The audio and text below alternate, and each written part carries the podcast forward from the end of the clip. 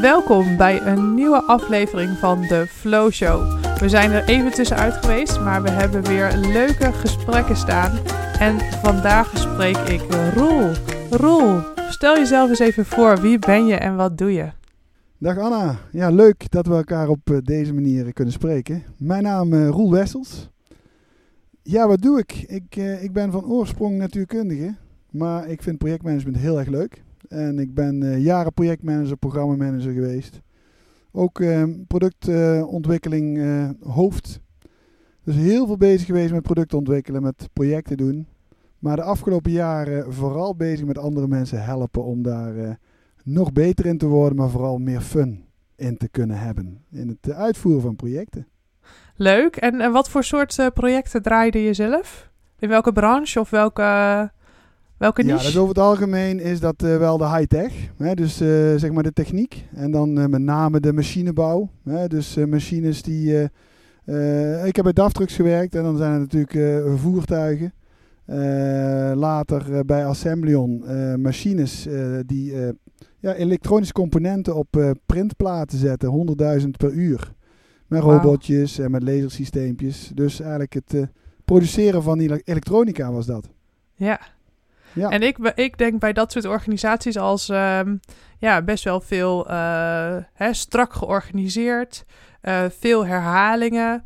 Um, hoe ziet daar een projectorganisatie eruit? Nou, uh, automotive is sowieso wel iets anders dan zeg maar elektronica-industrie. Want ja, als jij een auto koopt, hè, dan verwacht je dat die auto het gewoon heel lang doet. En als je op vakantie gaat, dan vind je het zelfs niet eens eens leuk als je gratis service engineers meekrijgt ga je natuurlijk de elektronica in en, uh, en je bent een wereldspeler. Ja, dan, dan willen klanten eigenlijk uh, beter zijn dan anderen. En dan is er, zijn er ook wel heel veel pioniers. Hè? Dus dan heb je echt ook te maken met de korte time to market. Snel dingen op de markt brengen die wel goed moeten zijn. Maar dan krijg je weer wat andere afwegingen tussen tijd, geld en, en vroeg kunnen scoren met je product. Omdat klanten daar uh, het eigenlijk uit je handen trekken. Ja. Ja, je wilt dus eigenlijk altijd, altijd de eerste op de markt zijn die iets nieuws heeft. En ja. um, daardoor, nou, bij mij komt dan het woord innovatief of, maar ik kan me voorstellen dat, dat, uh, hè, dat het ook misschien wel uh, veel kortcyclisch proberen is. Hè? En gewoon ja. kijken wat werkt en wat werkt niet. Ja, dat is natuurlijk een hele bijzondere mix, want het, het moet innovatief zijn, want je maakt nieuwe dingen. En vanuit de andere kant ben je natuurlijk aan het produceren of iets aan het maken um, wat... Um, in de business gebruikt wordt. dat zijn machines en fabrieken of natuurlijk een voertuig. En daar wil je voorspelbaarheid. Dus het is van de ene kant innovatief en uitproberen. En we zeggen natuurlijk innovatief zijn wil ook uh, durven te falen. Maar uh, wel kunnen uh, bepalen wanneer. Dus als een product af is, dan moet het ook goed zijn. je kent zelf wel terugroepacties van auto's. Hè, dat wil je liever niet, want dan zijn er al heel veel op de markt. Dus daar is een mooie balans eigenlijk tussen, ja, tussen betrouwbaarheid en, en, en creativiteit. En dat vind ik zelf een hele, ja, hele mooie, mooie wereld. Ja, dat kan ik me heel goed voorstellen. Nou, we gaan het dus inderdaad uh, hebben over eigenlijk jouw, uh, ja, jouw tweede deel van jouw carrière. Hè, we gaan het hebben over um, ja, projecten en projectmanagement, uh, programmamanagement misschien hier en daar nog wel. Um, maar vooral ook over um, ja, wat jij uh, daarover aan ervaringen hebt en ideeën voor hebt. Um, en een van, de, een van de vragen die we vooraf ook eventjes hadden uh, bedacht, hè, om maar een startpunt te hebben, is uh, ja, waarom is een project nou eigenlijk een tijdelijke organisatie? Ja, ja dat vond ik leuk. Hè? Dus de vraag was van Roel, welk onderwerp gaan we verder uitdiepen? En ik heb het heel vaak over leiderschap en... Maar ik vond het nou eigenlijk wel heel mooi om een keer over projectorganisatie te gaan hebben. Dat klinkt een klein beetje saaier. Maar we gaan denk ik wel zien dat je daar ook weer heel veel met leiderschap te maken krijgt. Maar jouw vraag van waarom is een project een tijdelijke organisatie? Nou, ik geef zelf ook trainingen. Ik heb ook een boek geschreven, de complete projectmanager. En wat mij opgevallen is, ook voor mijzelf, ik kwam er eigenlijk vrij laat achter dat een project een tijdelijke organisatie is. Je, je doet productontwikkeling, je draait in meerdere projecten. Ik dacht bij mezelf, dat is de wereld, de wereld van projecten. Maar je hebt wel altijd gedoe. Hè? Resources krijgen, wat gaan we precies doen? En eigenlijk later las ik pas, project is een tijdelijke organisatie in een permanente. En ik dacht, wat betekent dat? En ja, wat is de permanente organisatie? Dat is natuurlijk de organisatie die de dagelijkse gang van zaken doet. Hè? De, de, de routinematige processen en daar verdien je je boterham mee. Hè? Dat is de, verkoop, dat is de, opera dat is de fabriek, dat is de sales, dat zijn de, de logistieke mensen. En, en, en dat is een, die organisatie die heeft eigenlijk een onbepaalde levensduur. En die is ook heel stabiel. Maar dan wil je iets nieuws maken als bedrijf, of een reorganisatie doorvoeren, of je bedrijf anders inrichten, of een winkel anders inrichten bijvoorbeeld. En dan, dan kom je erachter dat als je dat over zou laten aan de permanente organisatie, dan komt het er vaak niet van. want die, die permanente organisatie die heeft natuurlijk hartstikke druk. Kijk maar naar een ziekenhuis. Iedereen zit volgepland. Dus ga je dat overlaten aan de permanente organisatie, krijg je twee dingen. Je krijgt geen prioriteit. En die mensen zijn zo gewend om te werken in hun eigen afdelingen en met hun eigen collega's, dat ze eigenlijk ook onvoldoende gaan praten met die andere mensen die nodig zijn hè, voor dat resultaat wat je wil gaan neerzetten samen. En wat je dan eigenlijk wil, maar nogmaals, ik kwam er pas later achter, dan ga je eigenlijk mensen bij elkaar zetten in een, ja, in een nieuw samenwerkingsverband. En dat heet een project. En als je er zo naar gaat kijken, dan snap je ook waarom je in het begin als projectleider eigenlijk altijd het gevoel hebt, het loopt nog niet. En de enige die op dit moment bezig is om er iets van proberen te maken, ben ik zelf. Wat is dat toch een gesleur? En dan wordt het ook leuker ervan. Hè? Want dan, dan is het niet iets, dat is ook een logisch gebeuren. Er was nog niks. Je gaat nieuwe mensen bij elkaar brengen, je hebt een nieuw doel. Die kennen elkaar nog niet, die kennen het doel nog niet zo goed. Dus dan moet je ervoor zorgen dat er beweging in komt. En, ja, dat is eigenlijk wat een projectmanager doet. Die tijdelijke organisatie in flow brengen. Hé, hey, maar en Roel, hè, want uh, ik krijg daar, uh, ik, ik, herken natuurlijk veel uit mijn eigen projecten. Um, en wat je zegt is heel vaak waar. Hè? De lijnorganisatie is altijd al helemaal ja, eh, soms wel al overloaded met taken die ze te doen hebben. Uh, toch ga je dan mensen, experts, die, waarvoor je de projecten vaak ook doet. Hè, tenminste, dat zie je bijvoorbeeld bij de overheid veel. Uh, om bijvoorbeeld met ICT-projecten medewerkers in het primaire proces bijvoorbeeld te ondersteunen. dan heb je toch die experts nodig uit die, wat ik dan noem, lijnorganisatie. Um, en um, hoe heeft dat dan? Hè? Dat heeft heel veel invloed op elkaar. Dus hoe blijf je dan die tijdelijke organisatie echt heel goed scheiden van die lijnorganisatie? Hè? Oftewel, hoe uh, zorg je er echt voor dat um, jouw projectteam een op zichzelf staand iets is, hè? met zo min mogelijk uh, afhankelijkheden van die lijnorganisatie? Ja, dat zeg, dat zeg je heel mooi, want het is inderdaad niet zo dat je iets naast de lijnorganisatie gaat opbouwen. Je gaat wel degelijk inderdaad mensen uit die lijnorganisatie inzetten in je project. En, en in feite betekent dat dat je uh, mandaat moet krijgen en tijd moet krijgen van die lijnmanagers om die mensen in een project te laten werken. Want ze hebben een functie in de lijn en ze krijgen een rol in jouw project. En, uh, en, en, en dat, is, dat is natuurlijk knokken. Dat is ervoor zorgen dat ook die lijnmanagers geloven in jouw project. En er ook voor zorgen dat die medewerkers zich samen thuis voelen bij jou in het projectteam. Um, en, en, dat moet uiteindelijk ervoor gaan zorgen dat beide partijen happy zijn. Want met je project ga je natuurlijk wel iets maken wat uiteindelijk ten goede gaat komen, waarde op gaat leveren voor die uh, lijnorganisatie. Want als je project af is, wordt eigenlijk ook je team ontbonden en dan gaan ze weer helemaal terug naar de lijn. En ze gaan ook niet helemaal het project in. Hè. Het is vaak misschien uh, 25% dat ze meedraaien in jouw project. En zo krijg je die flexibiliteit. Maar je hebt wel helemaal gelijk. Het is nog zeker steeds een, een, een balans en, en, en, en een beetje knokken samen.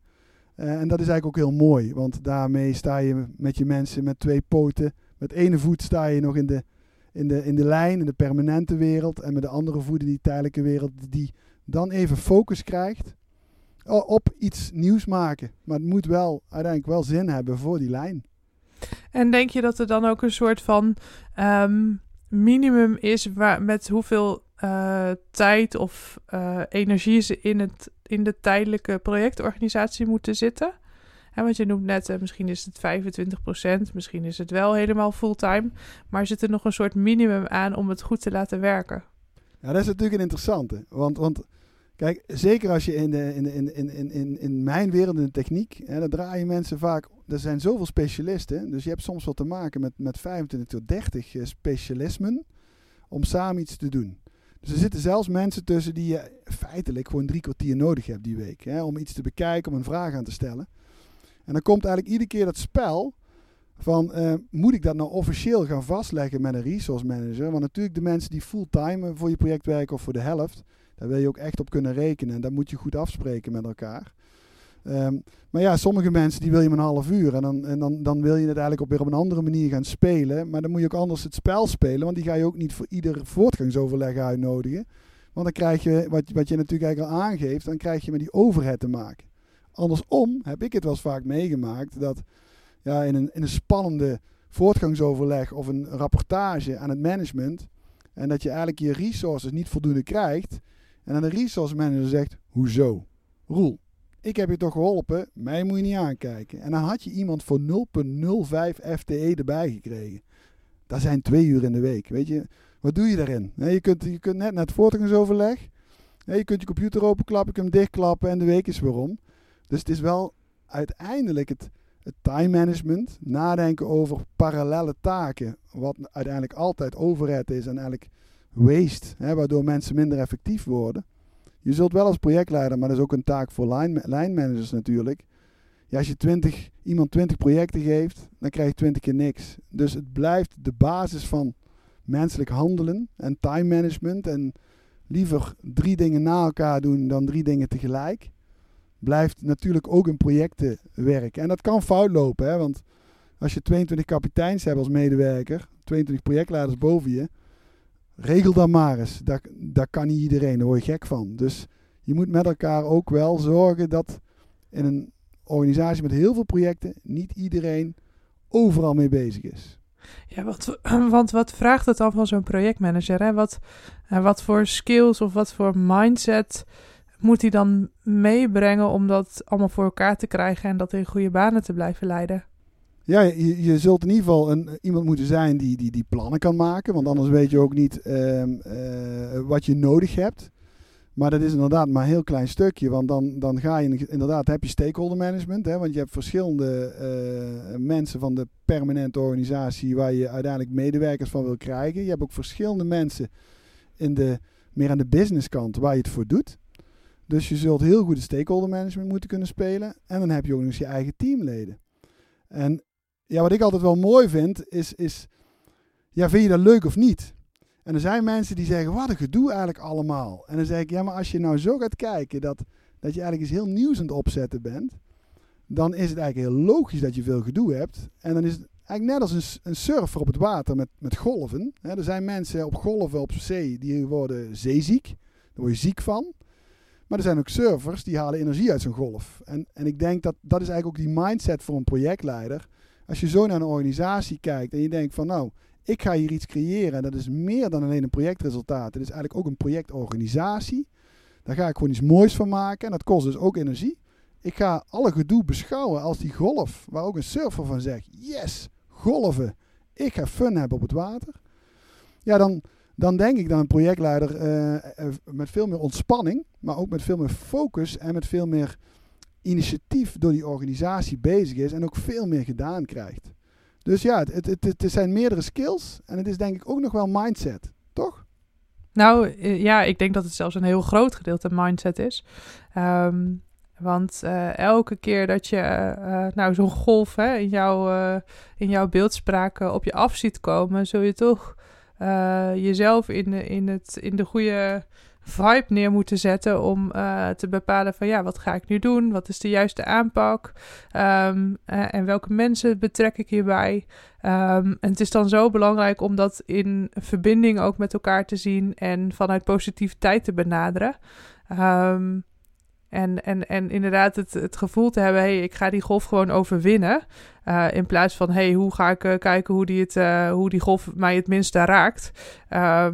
Ja, dat is natuurlijk een totaal andere uh, energie die je ook teruggeeft aan zo'n organisatie. Um, ja. En ik denk dat je daardoor ook veel meer gedaan krijgt dan, uh, ja, dan dat je de, de negatieve kanten van pakt, zeg maar. Ja, misschien ga je zelfs de golven opzoeken, hè? Ja, precies. Ja, zeker. Want, want, ja. Want, want, veranderingen in projecten worden natuurlijk eigenlijk altijd, hè, vanuit change management wordt altijd gezegd, ja, veranderingen, die, die, dat moet je managen. Maar een verandering hoeft niet slecht te zijn. En terwijl we dat eigenlijk wel een beetje aangeleerd krijgen. Hè, in de traditionele boeken Natuurlijk, eigenlijk zeggen ze het niet zo, hè, maar als je het zo zou lezen, word je een klein beetje opgevoed als uh, ja, scope management, uh, veranderingen tegengaan.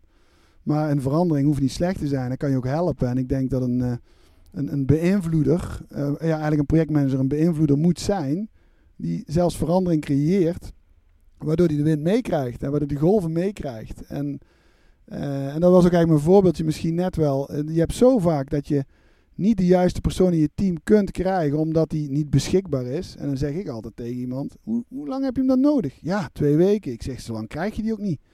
hoe lang zou je hem wel kunnen krijgen? Ik zeg: drie kwartier sowieso tijdens de lunch. Ik zeg: pas je project eens aan dat je die specialist toch te spreken krijgt. En het mooie is, dan komt die gast komt later terug, een dag later. Ik zeg: Enne, het mooie is, ik heb die gast in de lunch gesproken en die gaat volgende week twee dagen vrijmaken voor mijn project, want het vond het hartstikke leuk. En weet je, en dan zoek je dus eigenlijk als projectleider, dan ben je eigenlijk die, die surfer op het strand, die gewoon tegen zijn vrienden zegt, kijk daarachter wat een mooie golven, daar gaan we naartoe. Het is geen gevaar, het gaat ons helpen. En ja, dat is, dat is denk ik die mindset en ja, wat jij ook zegt, uh, uh, dat, dat, dat plezier. En, en, uh, en daarmee krijg je gewoon meer gedaan. Ja, ja, ja. En um, nou ja, die, die energie en die vibe, hè, dat, dat noemen ze natuurlijk ook wel heel vaak die flow in je project. Hè. Ja, ik heb daar zelf heel erg over ook. Uh, ik voel dat ook heel regelmatig. Um, maar wat zijn nou manieren om in zo'n flow te komen? Of jezelf daarin te houden? Hè? Want het behouden van zo'n flow is ook nog wel eens een uitdaging. Um, heb je daar ideeën over? Ja, ja. En, en, en, en ook, ook dat, als je dat er zo over hebt. Ik, ik, ik had vroeger, als ik gedoe kreeg op een gegeven moment in het team, dan dacht ik van, wat heb ik nou fout gedaan? Maar ja, later eh, leer je dan meer hè, van, van Tuckman hè, met, het, uh, met zijn model van uh, forming, storming, norming, performing. En dan leer je eigenlijk dat het altijd gaat stormen. En um, dat het dus eigenlijk gewoon heel volwassen is om gewoon te beseffen, zolang het niet gestormd heeft in mijn team, ben ik er nog niet. En dat vond ik wel heel erg mooi, want dan ga je eigenlijk ook niet zenuwachtig worden van zo'n fase. Dan denk je gewoon, nou, dit hoort er gewoon bij. En, en, en, en, en dan ga je, blijf ook rustig. En zelfs kun je nog wel de storm eerder creëren. En dat zie je natuurlijk ook heel vaak bij, bij goede projectleiders, bij goede leiders. Ja, die durven juist in het begin van zo'n project, durven ze de moeilijke dingen op het bordje te leggen. Misschien hè, we uh, überhaupt ook als bijvoorbeeld een, een formatieproces hebt hè, voor de regering ja, ga je dan alles uitstellen of ga je dan juist durven om zo vroeg mogelijk eh, punten op het bord te leggen? Ik denk dat, dat je er nooit een vast termijn voor kunt bedenken. Maar jij als leider moet naar je team kijken en moet denken: wat heeft dit team nou nodig? Even nog wat rust? Of ga ik hier al eventjes in feite de rollen wat meer ter discussie stellen, et cetera? En dus flow, ja, uiteindelijk is dat dat performing moment hè, in, in forming, storming, norming, performing. Dat krijg je dus nooit cadeau. En dat is altijd eerst werken. En natuurlijk per team is dat verschillend en per setting is het verschillend. Maar ik denk dat ook daarbij geldt dat um, als je daar niet van in paniek raakt, eh, dat je eigenlijk de mooiste, de mooiste projectteams uiteindelijk voor elkaar krijgt. En, en vooral de conflicten niet uit de weg gaat, maar dingen ter discussie durft te stellen. Dan, dan denk ik dat je heel aan het komt. Ja, en heeft het dan ook juist met. Um, hè, want je, je, noemt het ook echt, hè, van, van zoek het ook juist eens op, hè, om juist die stormingfase naar voren te trekken. Um, of kijken of het team dat aan kan. Hè? Want ze moeten natuurlijk ook wel redelijk gevormd zijn voordat ze zo'n stormingfase ja. aan kunnen. Anders dan valt het natuurlijk als uh, los zand uit elkaar.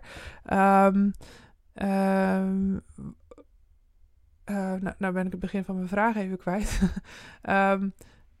maar, eh, oh ja, dat naar voren trekken. Hè? wat voor wat, wat zijn dan de aspecten die je daarin meeneemt? Hè? Kijk je dan sec alleen naar het team? Of kijk je dan ook heel erg naar uh, wat is nu de voortgang? Um, wat of uh, mist er een stuk visie in het, uh, in het, uh, in het team of in de organisatie? Hè? Dus je kunt natuurlijk ook breder kijken dan alleen ja. naar het team. Ja.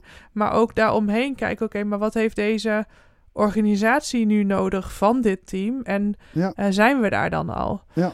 Um, maar ik kan me voorstellen dat een, een junior projectleider zegt: uh, Nou, ik heb echt geen flauw idee waar je het over hebt. Uh, naar welke aspecten moet ik dan überhaupt kijken? Nee, en, en, en natuurlijk, als je, als je junior bent, dan. eh, hè, dat, dat, is, dat is net eh, al- als je voor het eerst in, een, eh, in een nieuwe omgeving bent. Dan overal waar je naar kijkt, dat zie je alleen en de rest zie je niks. Ja. Dus dan kun je nog niet zo integraal alles meenemen.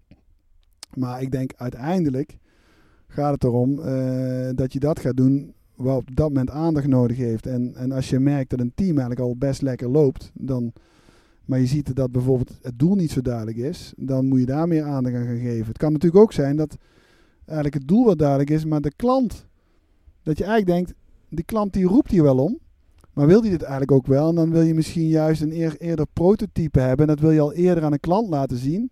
Terwijl de klant zegt, oh nee, dat hoeft helemaal niet. En dan ga je eigenlijk, meteen, eigenlijk niet meer de storm opzoeken. Misschien niet met je interne team, maar met je klant. En het grappige is, ik zeg bij stakeholder ook altijd tegen een klant, welkom bij het team. Uiteindelijk is een klant ook een teamlid. Het is maar net hoe je er naar kijkt. Dus, nee, dus het is meer dan je interne team. En het, het kan ook gewoon zijn dat, dat je vooral met technische items bezig bent in het begin. Het ligt een beetje aan van, ja, waar zie je de, ja, waar zie je de grootste problemen? Maar ook, je moet ook doseren. Je moet ook soms geduld hebben. Je moet inderdaad ook soms een probleem een maand uitstellen. Omdat, omdat je team dan volwassener is. Of omdat je dan een, een band hebt opgebouwd met de klant. Waardoor je eigenlijk verder kunt gaan komen en dan meer van elkaar kunt hebben. Zeg maar, hè? Want je moet natuurlijk ook die relatie wel opbouwen met elkaar voordat je ja, een robbertje kunt vechten en, en, en, en echt prioriteiten kunt gaan stellen. Dat kan ook niet op dag één, als, eh, als die relatie nog heel pril is. Nee, ik denk dat het wel een van de belangrijkste dingen is. Hè? Je, je relatiemanagement met je team en je band die je opbouwt, is natuurlijk wel het fundament. Hè? Er moet genoeg vertrouwen zijn eh, dat je door zo'n fase ook heen komt. Hè? Want zo'n team voelt Ja. dat natuurlijk ook van, hé, hey, er gebeurt nu van alles. Eh, er, gaan, de, de, de, de, er veranderen wat dingen. We hebben eh, intensievere discussies of...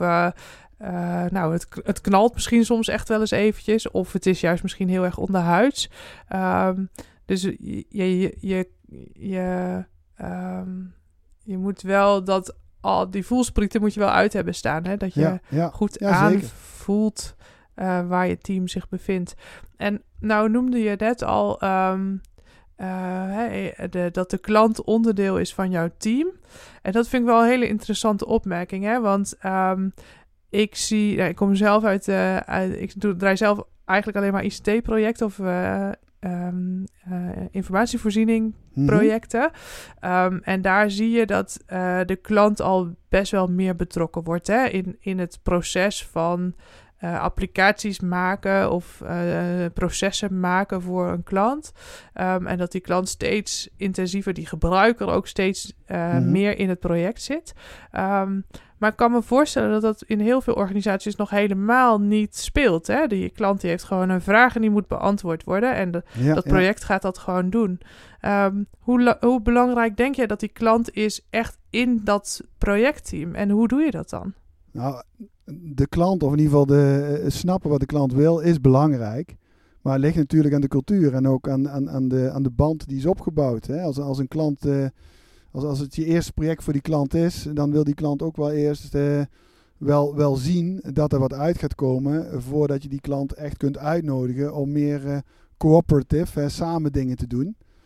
Maar ik denk wel dat, ehm, dat door de goede stapjes te bedenken, dat je dat al eerder kunt met elkaar. Hè? En, en, en dat je door een bepaald ritme te hebben van, van, van eerste resultaten.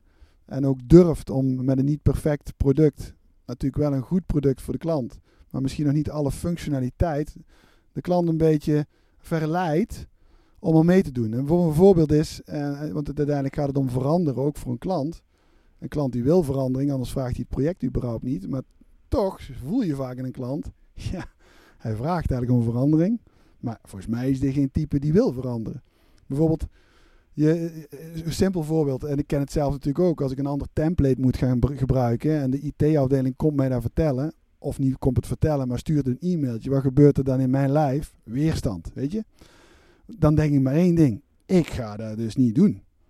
En, eh, en, ik, en ik heb zelfs, ik vertel het wel eens vaker in mijn trainingen, en, en daarom snap ik ook de weerstand van anderen. Ik heb zelf in een bedrijf twee jaar lang vroeger, hè, dat is echt gewoon vroeger, dat is echt vroeger, toen we nog Word Perfect als, eh, als tekstprocessor hadden, toen moesten wij over naar Word in dat bedrijf. En ik had echt zoiets, dat kan niet. Ik heb al mijn templates in WordPerfect. Ik snap dat onderwaterscherm. Ik zeg, dan denk ik, dat is helemaal efficiëntie in het klitsen. Dus ik had zoiets.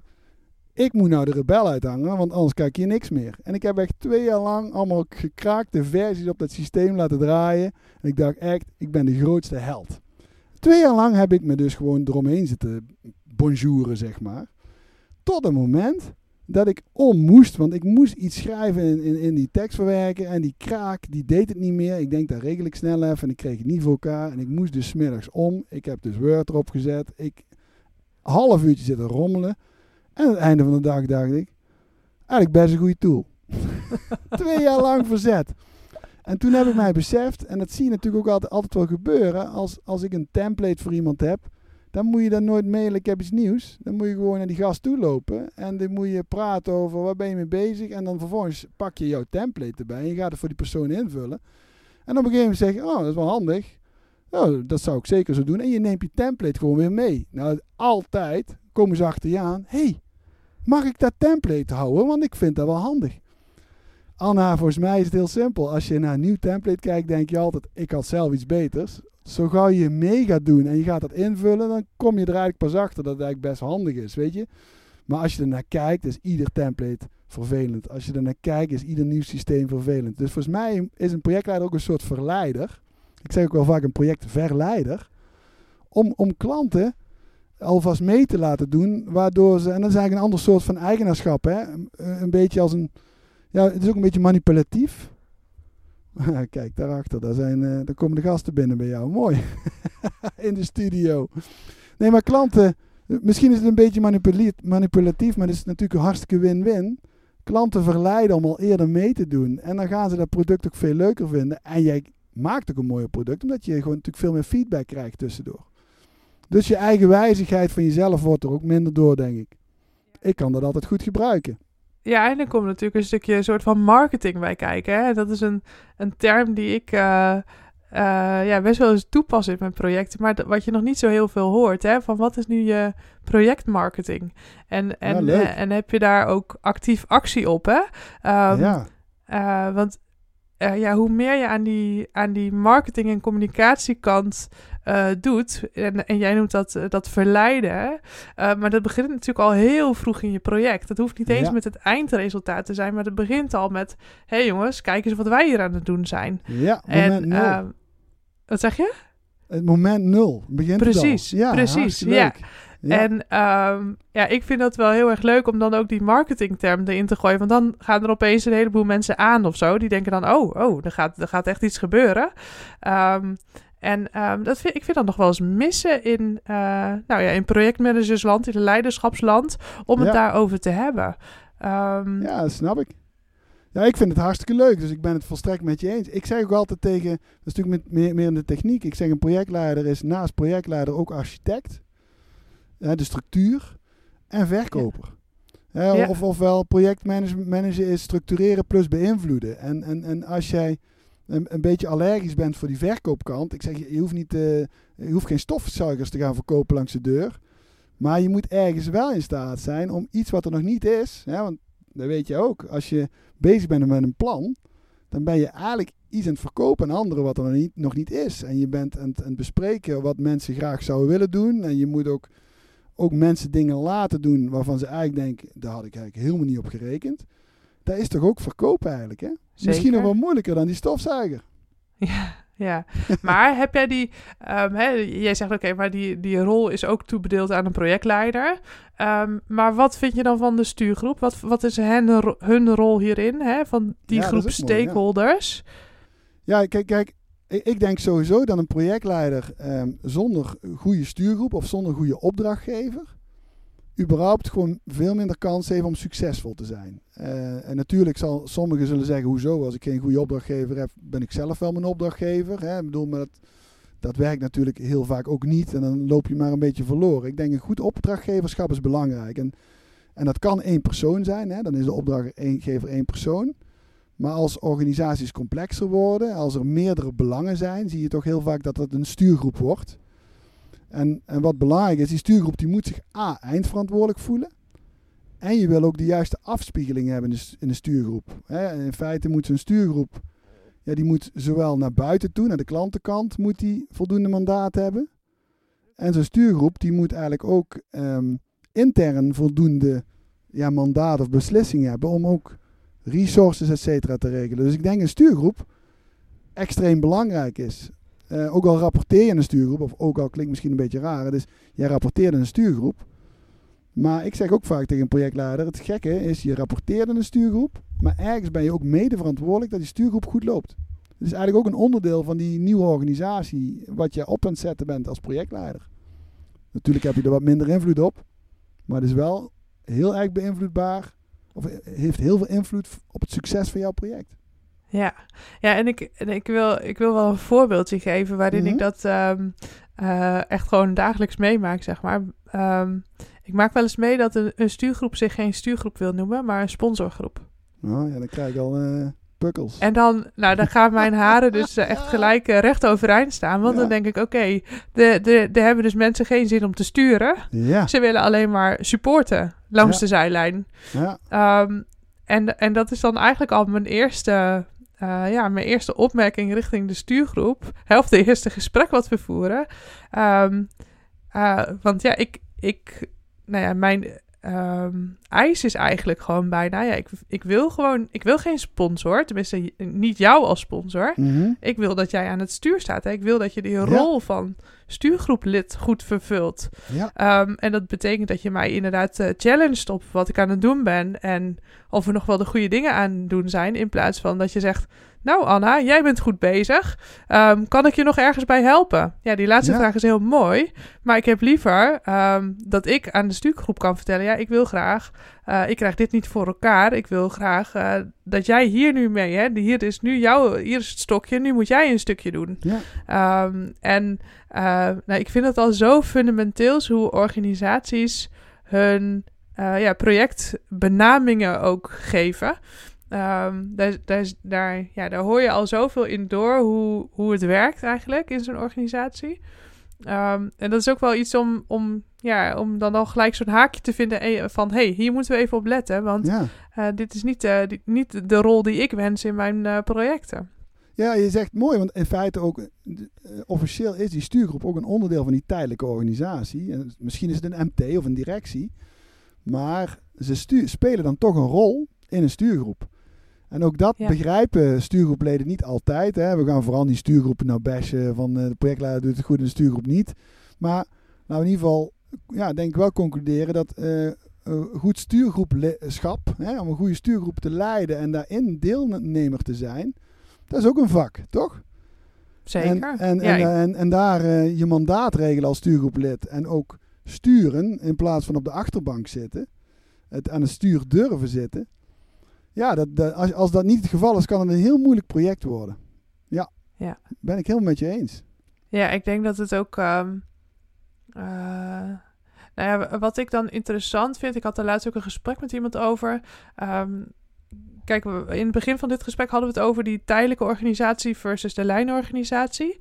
Um, en uh, nou, heel vaak werken die ook met elkaar samen. Hè? Bijvoorbeeld als ik uh, uh, mijn mijn project weer moet gaan overdragen naar de lijnorganisatie. Als mijn tijdelijke organisatie ophoudt te bestaan. Uh, maar dan moet die uh, afstemming van tevoren heel helder zijn geweest. Hè. Ze moeten genoeg betrokken zijn geweest, zodat ze dat ook kunnen doen. Ja. Um, en uh, je, je, je ziet dan dus ook dat ik dus discussies of eh, vraagstukken heb, uh, die ik dan dus in de stuurgroep uh, inbreng. Hè? Ja. Van ik loop hier tegenaan. Uh, dat is een stukje lijnorganisatie waar jullie ook een, een rol en een, ja. een, een, rol in hebben en um, mandaat in hebben. Um, en in hoeverre ben ik als projectleider verantwoordelijk om dat soort onderwerpen daar op tafel te leggen? En ik Kijk, dat staat nooit in je opdrachtomschrijving nee, dat nee, je dat nee. moet aankaarten. Ja. Um, maar ik denk dat het zo'n belangrijk onderdeel is, zodat, dat, um, zodat je als tijdelijke organisatie niet een verandering op gang hebt gebracht. En dan uiteindelijk zegt, nou, toedeloe, ik heb de jars gekregen, nu ben ik weg. En, en dat het dan gewoon op de grond valt. Um, maar dat je dus ook de plicht hebt om dat soort discussies dus aan te zwengelen als je denkt dat dat dus niet goed gaat landen. Um, maar ik vind het ook wel een, een diffuus iets. Hè. Het kan. Het, ehm, ja, het staat dus nooit in je opdrachtomschrijving dat je nee. daar ook eh, mee aan de gang moet. Hoe kijk jij daar tegenaan? Ja, nou, nou wat, je- wat je zo vertelt, eh, ik, ik, eh, ik word er alleen maar blij van. Maar ik, ik, ik begrijp ook dat niet iedereen het zo meteen zal zien. Want het, het ligt ook een beetje aan hoe je je eigen rol ziet als projectleider. Hè. Je, je kunt hem natuurlijk wat meer op korte termijn zien. Ik ga hier een resultaat opleveren. Eh, maar zo gauw je hem wat integraler ziet en langere termijn, ja, dan voel je ook verantwoordelijk dat dat resultaat gebruikt gaat worden door de permanente organisatie, die lijn. En eh, als het goed is, maar dat is nog niet eens altijd het geval, is die lijn vertegenwoordigd in de stuurgroep. Bijvoorbeeld als senior users en senior gebruikers als je een, een Prince 2 model zou gebruiken. Maar dat is ook vaak niet zo. En ik vind het in ieder geval al iets als projectleider om dat aan te kaarten van ik mis die of die persoon. Ik ken projectleiders die zeggen, ja Roel, dat ga ik dus niet zeggen, want wordt project ingewikkelder van. Het is nou even simpel, dan hoef ik het ook niet te doen. Dat, heeft natuurlijk ook, dat is ook een keuze. Hè? Want als jij eh, een eenmalig project doet, ja, dan snap ik ook dat je niet alle problemen op de hals haalt. Maar als je met een meer een lifecycle bezig bent in een heel product en, en je weet van over drie jaar kom ik dit resultaat ook weer tegen of de mensen eromheen. En ik moet zeggen, ik kan het eigenlijk bijna niet anders. Dus ik vind het gewoon wel prettiger om een langere termijn te kijken. Maar ik wil vooral geen oordeel hebben over mensen die zich richten op de korte termijn. Want dat heb je gewoon ook soms nodig in projectmanagementland. Maar als je die lange termijn pakt, vind ik wel dat je zelf stuurgroepleden die nog niet doorhebben dat het ingewikkelder moet gaan worden dan zij willen. En bijvoorbeeld, wat ik heel vaak heb moeten doen, ehm, bijvoorbeeld tegen mensen die het moesten produceren een product, dat ik ze zei, terwijl ze eigenlijk zeiden, oh Roel, is goed. Ik zei, ik ben straks weg. En mijn team is weg. Straks moeten je eigen monteurs dit kunnen monteren. Ja, dat komt toch wel goed. En ik dacht bij mezelf, wacht eens even, hoe kan ik dit zwart-witter maken, weet je? Want, want anders kom je ook niet van het project af. Dat, dat kan ook nog eens komen. Dus dat je eigenlijk nooit klaar bent met je project. Terwijl de stuurgroep het niet eens erg vond. Maar die mensen kennen natuurlijk ook een bedrijf die hun hele leven lang... Ja, als er gedoe is over dat product... komen ze altijd weer bij mij langs, Roel. Ik word de hele dag gestoord. Ik zeg, ja, hoe zou dat nou komen? Weet je wel, ieder... Ja, Cruijff zei het al, hè, ieder voordeel heeft zijn nadeel. Ik zeg, toen heb je ervan afgemaakt. En dat was slim. Maar je hebt er dus ook voor gezorgd dat eigenlijk die lijn het niet heeft omarmd. Ze waren tevreden, maar ze kunnen het niet alleen. Dus eh, ze blijven jouw hele leven dat je in een grond loopt, blijven ze jou nog vermoeien met alle vraagjes. Nou ja, het is ook een beetje wat je zelf wil, denk ik. Dus dat probeer ik ook altijd wel tegen mensen te zeggen. Er is niet één route. Ehm, eh, maar, maar je hebt volstrekt gelijk dat je daar je eigen kompas voor moet ontwikkelen. Want het staat meestal niet in de opdrachtomschrijving van... Je moet er ook voor zorgen dat de lijn er ook iets mee gaat doen, om het maar even zo te zeggen. Toch? Ja. Dus het is eh, ja, ja, inderdaad. ja, je eigen kompas. En ik denk dat jouw kompas heel erg is afgestemd op dat je misschien niet eens eens blij wordt ervan als ze er niks mee gaan doen. Heb ik zelf ook. Maar dat kan, dat kan soms ook moe- vermoeiend zijn, vind ik zelf. Ik weet niet hoe, je, hoe jij dat ervaart. Dat je het misschien daarmee te groot maakt. Of eh, je, wil- je wil bij wijze van spreken het hele bedrijf verbeteren. Omdat anders jouw projectresultaat ja, wat minder tot, ja, tot, eh, tot franje gaat leiden, zeg maar. Her- Herken je Nou, dat? ja. dat het- Ja, dat herken ik heel erg. Het is nou, bijna thematiek op dit moment voor mij. ja, ja. Nee, maar eh, ehm, ja, ik merk heel erg dat ik... Ik vind het dus heel belangrijk sowieso dat het heel goed landt. Hè, En dat je ook echt iets maakt waar, eh, waar waarde in zit. Hè, waar de Ja. gebruikers heel blij van worden. Ehm, maar ik merk dat mijn hoofd gewoon ook heel snel schiet in... Oké, maar wat heeft die... eh, Heeft de organisatie nodig? Wat heeft het systeem, hè? Ja, de ja. organisatie als systeem of subsystemen nodig? Ehm, wat gebeurt er in die onderstroom? Welke strategie zeggen ze dat ze hanteren, maar wat gebeurt er nou werkelijk? Ehm, ja, ik. eh en dus dat strategische stuk, dat, dat koppel ik er heel snel aan vast. En daardoor ehm, voelt het af en toe als ik, alsof ik buiten mijn boekje ga. Ehm, eh, van, van sec mijn rol als eh, zorgen dat, het, dat de doelen gehaald worden en de resultaten op tijd worden geleverd. Ehm, en eh, het kan ook soms gewoon frustrerend voelen, omdat ja, dat stukje, je, je brengt hier toch iets in beweging. Hè? Je, gaat, je hebt gesprekken met elkaar waar je tegenaan loopt, hoe, hoe ik er dan tegenaan kijk ook, hoe anderen er tegenaan kijken. En ehm, ja, ik, ik verander dat ook niet in één keer. Hè? Ik, ik constateer alleen maar iets. Ehm, hè, ik zie iets gebeuren, dat heeft invloed op mijn projecten. Ehm, maar het is niet dat dat dan in één keer verandert. Hè? Dus het, is, het is ook gewoon veel zaaien. En ehm, ja, er ook op vertrouwen dat, het, dat ik ooit een keer, hè, dat het ooit een keer gaat bloeien en dat ik kan gaan oogsten. Ehm, maar dat zal misschien niet in dat project zijn. En dat, dat is voor mij nog wel een thema, omdat ik mijn snelheid dan gewoon veel hoger ligt. Um, dat ehm, snap ik wel, ja. ja. ja maar het is wel dat heel vind mooi. ik wel eens frustrerend. Ja. Maar eh, je, het, het, je kunt er natuurlijk in doorslaan. Hè? En dan probeer je in feite de hele wereld te verbeteren. En het, het gaat om balans, denk ik. En, uh, ja. en dat geldt op meerdere manieren natuurlijk. Het geldt om hoe, hoe, breed zie je in feite de toepassing van jouw resultaat. En, en voel je je dan mede verantwoordelijk dat de klant er ook blij van gaat worden. Terwijl de klant, ja, net als een schilder, hè, die moet gewoon de muren goed schilderen.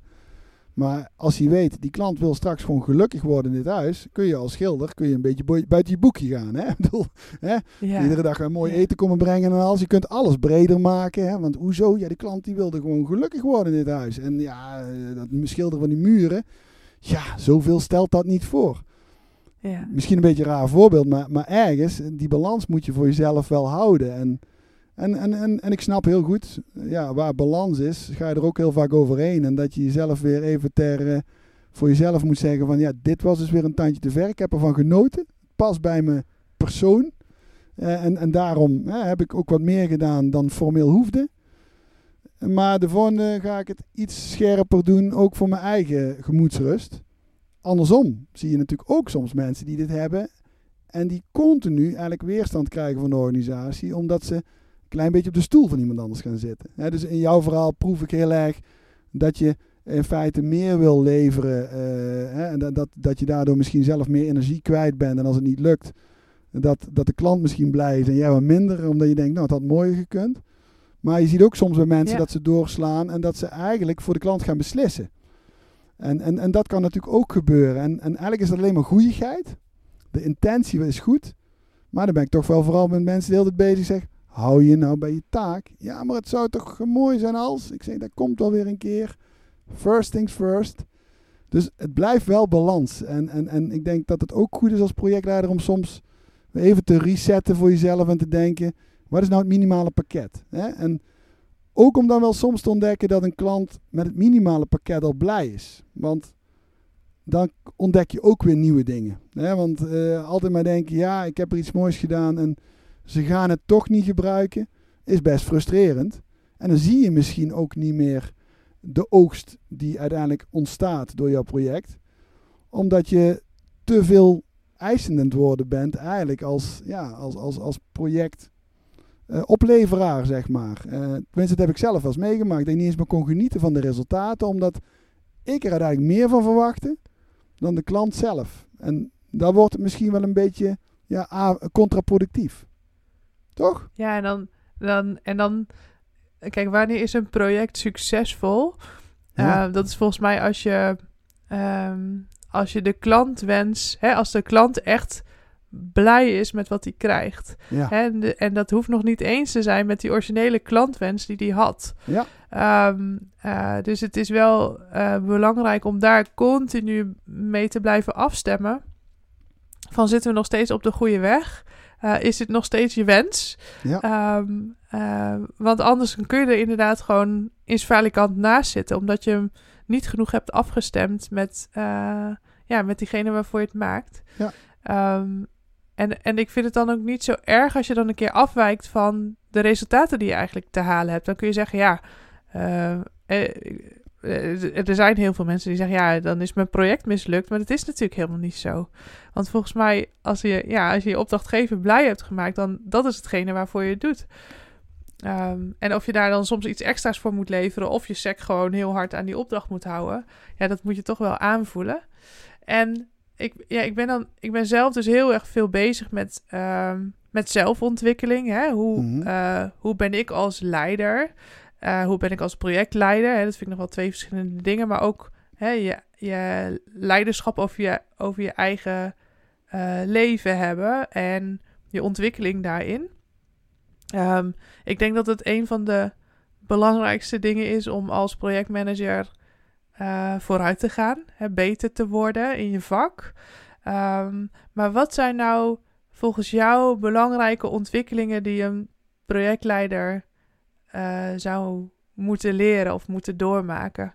Uh, nou, los van die nuance waar we het net heel over gehad hebben. Ik, ik denk dat een projectleider in, in, in, in deze tijd, omdat de projecten steeds complexer worden en uh, alle mensen die eraan werken steeds gespecialiseerder worden, moet je iemand zijn die kan verbinden. En, en in die zin verbinden, dat is dus ook die beïnvloedingskant, um, die in staat is om mensen al bij elkaar te brengen, ook als er nog onduidelijkheid is. En uh, dus is dus echt wel die leiderschapskant. Er is nog niks en dan toch al uh, gaan praten over en wat ga je dan met het resultaat doen of al durven een eerste prototype te lanceren. En, en er ook op vertrouwen dat door die samenwerking, door die verbinding, dat het daardoor gaat rollen. Want, want, want in dat voorbeeld wat jij net noemt, en, en natuurlijk als je vanuit in, in de IT werkt, hè, dan, dan lijkt het natuurlijk alsof die specificatie heel scherp is. Maar ja, we kennen het woord voortschrijdend inzicht in de techniek. Maar ja, een mooie voorbeeld is natuurlijk Apple hè, en, en, en, Steve Jobs, die gewoon zei: Ik ga helemaal niet maken wat de klant nu vraagt. Ik ga maken wat hij straks nodig heeft.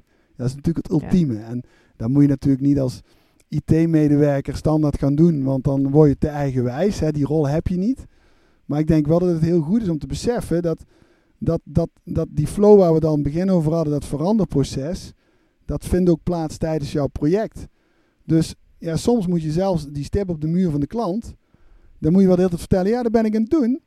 En, en dan toch richt je eigenlijk als een soort vizier op een hoger punt, waardoor de klant aan het einde zegt, Anna, dit was helemaal te gek. Wat te gek, dat je precies hebt gemaakt wat ik wilde.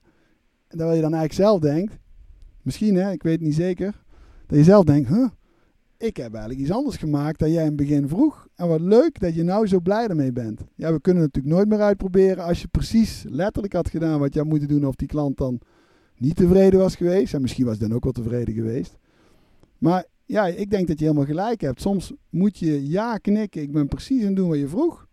En je bent iets anders aan het doen omdat je eigenlijk op dat voortschrijdend inzicht al bent aan het, aan het voorsorteren. En, en zeker in creatieve en innovatieve omgevingen ja, de veranderingen gaan sneller dan het project. Ja, en, dat, en jij zegt dus, nou, je, de kwaliteiten die je daarvoor nodig hebt, is dus, is dus verbinden. Hè? en dus heel erg kunnen luisteren naar uh, al die specialisten die, uh, die, er, die er allemaal wat van vinden. Ja. Um, en dan samen uh, ja, daar een soort uh, nou, ik krijg ook een beetje, het, het woord visionair staat ook wel, ja. uh, hoor ik er ook wel een beetje in terug, hè. Om daar dan die, die hoofdlijn, die hoofdmoot uit te kunnen filteren. Van ja, maar dit is eigenlijk waar we echt mee bezig zijn. Hier is waar het om gaat. En uh, dat ligt heel dicht tegen die klantwens aan. Dus als ik die, die klant daarin meeneem, dan maak ik de, de, dan creëer ik de grootste waarde um, voor die klant. Ja, je ligt heel dicht tegen die klant. Maar natuurlijk ook tegen die mensen in je team. Want, want zeker in de techniek, dan willen heel vaak mensen in een team wel iets moois maken. En dan hebben ze, hebben ze zelf een, een gedachte. Natuurlijk, dat weet ik ook wel. Als, als ik nou iets zelf maak, dan kan ik precies maken wat hier nodig is. En toch moet je zo iemand dan soms om kunnen praten. Dat je zegt, laten we nou gewoon een standaard product maken wat er al is. Of nemen wat er al is. En die mensen moeten natuurlijk niet afschakelen. Die moeten niet denken, ja, dan heb ik geen zin meer. Dat is ook zo'n proces. Dat is ook die verbinding. En dan moet je natuurlijk niet meteen de eerste dag zeggen. Dan moet je stap voor stap moet je ook iemand laten ontdekken. Oh, wacht eens even. Als ik ga standaardiseren op dit en dit vlak, hou ik meer tijd over om creatief te zijn op dat vlak. En ook dat is die verbinding, denk ik. Dus dicht op de klant en dicht op je team. En misschien is dat nog wel ja, het antwoord op die vraag die jij net stelde. Het is, het is, het is kunnen verbinden naar alle, alle kanten op. En ook ja. naar jezelf, wat jij al zei. Want anders ja. vergeet je jezelf nog. Ja, mooi. Ja. Nou, Roel, ik vind het een heel mooi uh, einde eigenlijk ook ja. aan uh, ons gesprek wat we Dankjewel. hebben. Um, en ik uh, eindig altijd mijn podcast met een aantal vragen, oftewel het vragenvuur. Um, en ik heb, um, nou, ik weet niet of je wel deze vraag eens eerder hebt gehoord, maar ik heb er een paar voor jou. ik ben wel benieuwd, Roel, wat is jouw best besteden uur in jouw projecten? Mijn best besteden uur in mijn projecten. Uh,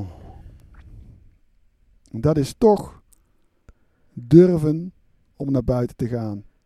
Durven om het af te stemmen. Durven als ik input krijg om erover te praten met die ander. Terwijl ik eigenlijk zelf dacht, oh mooi, ik kan vooruit. Het best besteden uur is eigenlijk uit je, uit je comfortzone gaan. Dan wil ik niet zeggen dat ik het altijd doe, maar dat is mijn best besteden uur, want die krijg je vaak tien keer terug. Hey, en wat is, wat is jouw randje van jouw comfortzone? Want hey, je zegt dus naar buiten toe gaan. Is dat ook jouw randje van je comfortzone? Ja, nou, nou in, in, ik, ik, ik, ik ben een perfectionist. Dus ik wil het eigenlijk altijd mooier maken. Ehm, eh, dus je hebt ook altijd het gevoel van, ja, wacht even, dit kan nog mooier. Maar ook, je kunt ook andersom denken, dit vinden ze nog niks. Hè? Dat heeft een perfectionist net zo goed. Dus daar zit ook onzekerheid in. Ehm, dus je wilt het eigenlijk gewoon goed doen. Uh, en, en, en dat klinkt altijd goed, wel zo van, nou dan moet je de volgende keer uh, eerder naar buiten gaan, want het was al goed genoeg. Maar dat vergeet je weer, dat gevoel. Dus dat is wel comfortzone, ja. Ja, dan wil ik het liever nog even nog iets mooier maken. En, en liefst verkoop ik het dan voor drie keer zoveel. Hè, dus ik maak het drie keer zo mooi en dan denk ik in mijn hoofd, ja, dan maak ik het gewoon drie keer zo duur. Hè, dat, dat, daar los ik het nog mee op ook, maar dat is natuurlijk eigenlijk geen goede oplossing. Nee, dat is comfortzone, ja. Ja, precies. Ja. ja. Hey, en is er misschien een, een quote waar jij naar leeft in je projecten? Een motto, een mantra, een, een nou, instelling? ja, mijn mantra is eigenlijk de hele tijd van reactief naar proactief naar beïnvloeden. Van reactief naar proactief naar, naar beïnvloeden. Kijk, het, natuurlijk, het, het is altijd, je hoort, je weet natuurlijk altijd, als ik reactief ben, dat voelt niet goed. En je hoort natuurlijk altijd van anderen, Roel, je moet wat proactiever zijn. En ik heb het altijd een beetje raar gevonden, wat is dat dan? Nou ja, later leer je gewoon dat proactief zijn is dat, je dingen doet voor ze urgent worden. Toen dacht ik, oh ja, dan snap ik waarom het handig is. Maar het, het werd pas leuk dat als je proactief bent, dat je ook iets doet waardoor je er zelf meer lol aan beleeft. Of de route kunt kiezen die je zelf het leukst vindt. En dat is die beïnvloedingskant. Dus ja, voor mij is het uh, van reactief naar beïnvloeden zie ik de sprong. En daar zit die stap van proactief tussen. Ja. Mooi, mooi, heel mooi. Hey, en dan, uh, ja, dan gaan we, gaan we de podcast uh, het einde in. Um, en uh, ben ik wel benieuwd, Roel, waar kunnen mensen jou nou bereiken? Waar kunnen ze meer informatie over je vinden? Of meer informatie over je boek vinden? Het boek bestellen misschien wel? Ja, nou, ik heb een website www.roelwessels.nl. Mensen mogen ook op LinkedIn mogen me opzoeken. Uh, dus er zijn meerdere manieren. Dus uh, website of LinkedIn. En het boek heet De Complete Projectmanager. Is ook in het Engels en in het Duits. Daar ben ik ook perfectionist geweest, dus dat heb ik niet uitbesteed. Natuurlijk wel een goede vertaler erbij gehad. Maar wat was het een mooi proces. Maar oh, wat kost het veel energie. Dus wel heel mooi dat het er nu in drie talen is. Ja. Ja, heel gaaf. Ja. Dankjewel Roel, dankjewel voor dit uh, leuke gesprek. Interessant hoe jij kijkt uh, tegen projectorganisaties en uh, projectleiders, managers. Um, ja, dit is het einde van uh, deze aflevering van de Flow Show. Mocht je meer willen weten over mij, dan kun je mij vinden op mijn websites annaschakel.nl of kijk inderdaad op mijn LinkedIn. Je kunt me altijd een berichtje sturen um, of even bellen. Ik sta altijd in voor een kopje koffie. Ik ben altijd in voor een kopje koffie. Um, en dan wens ik je een hele fijne dag.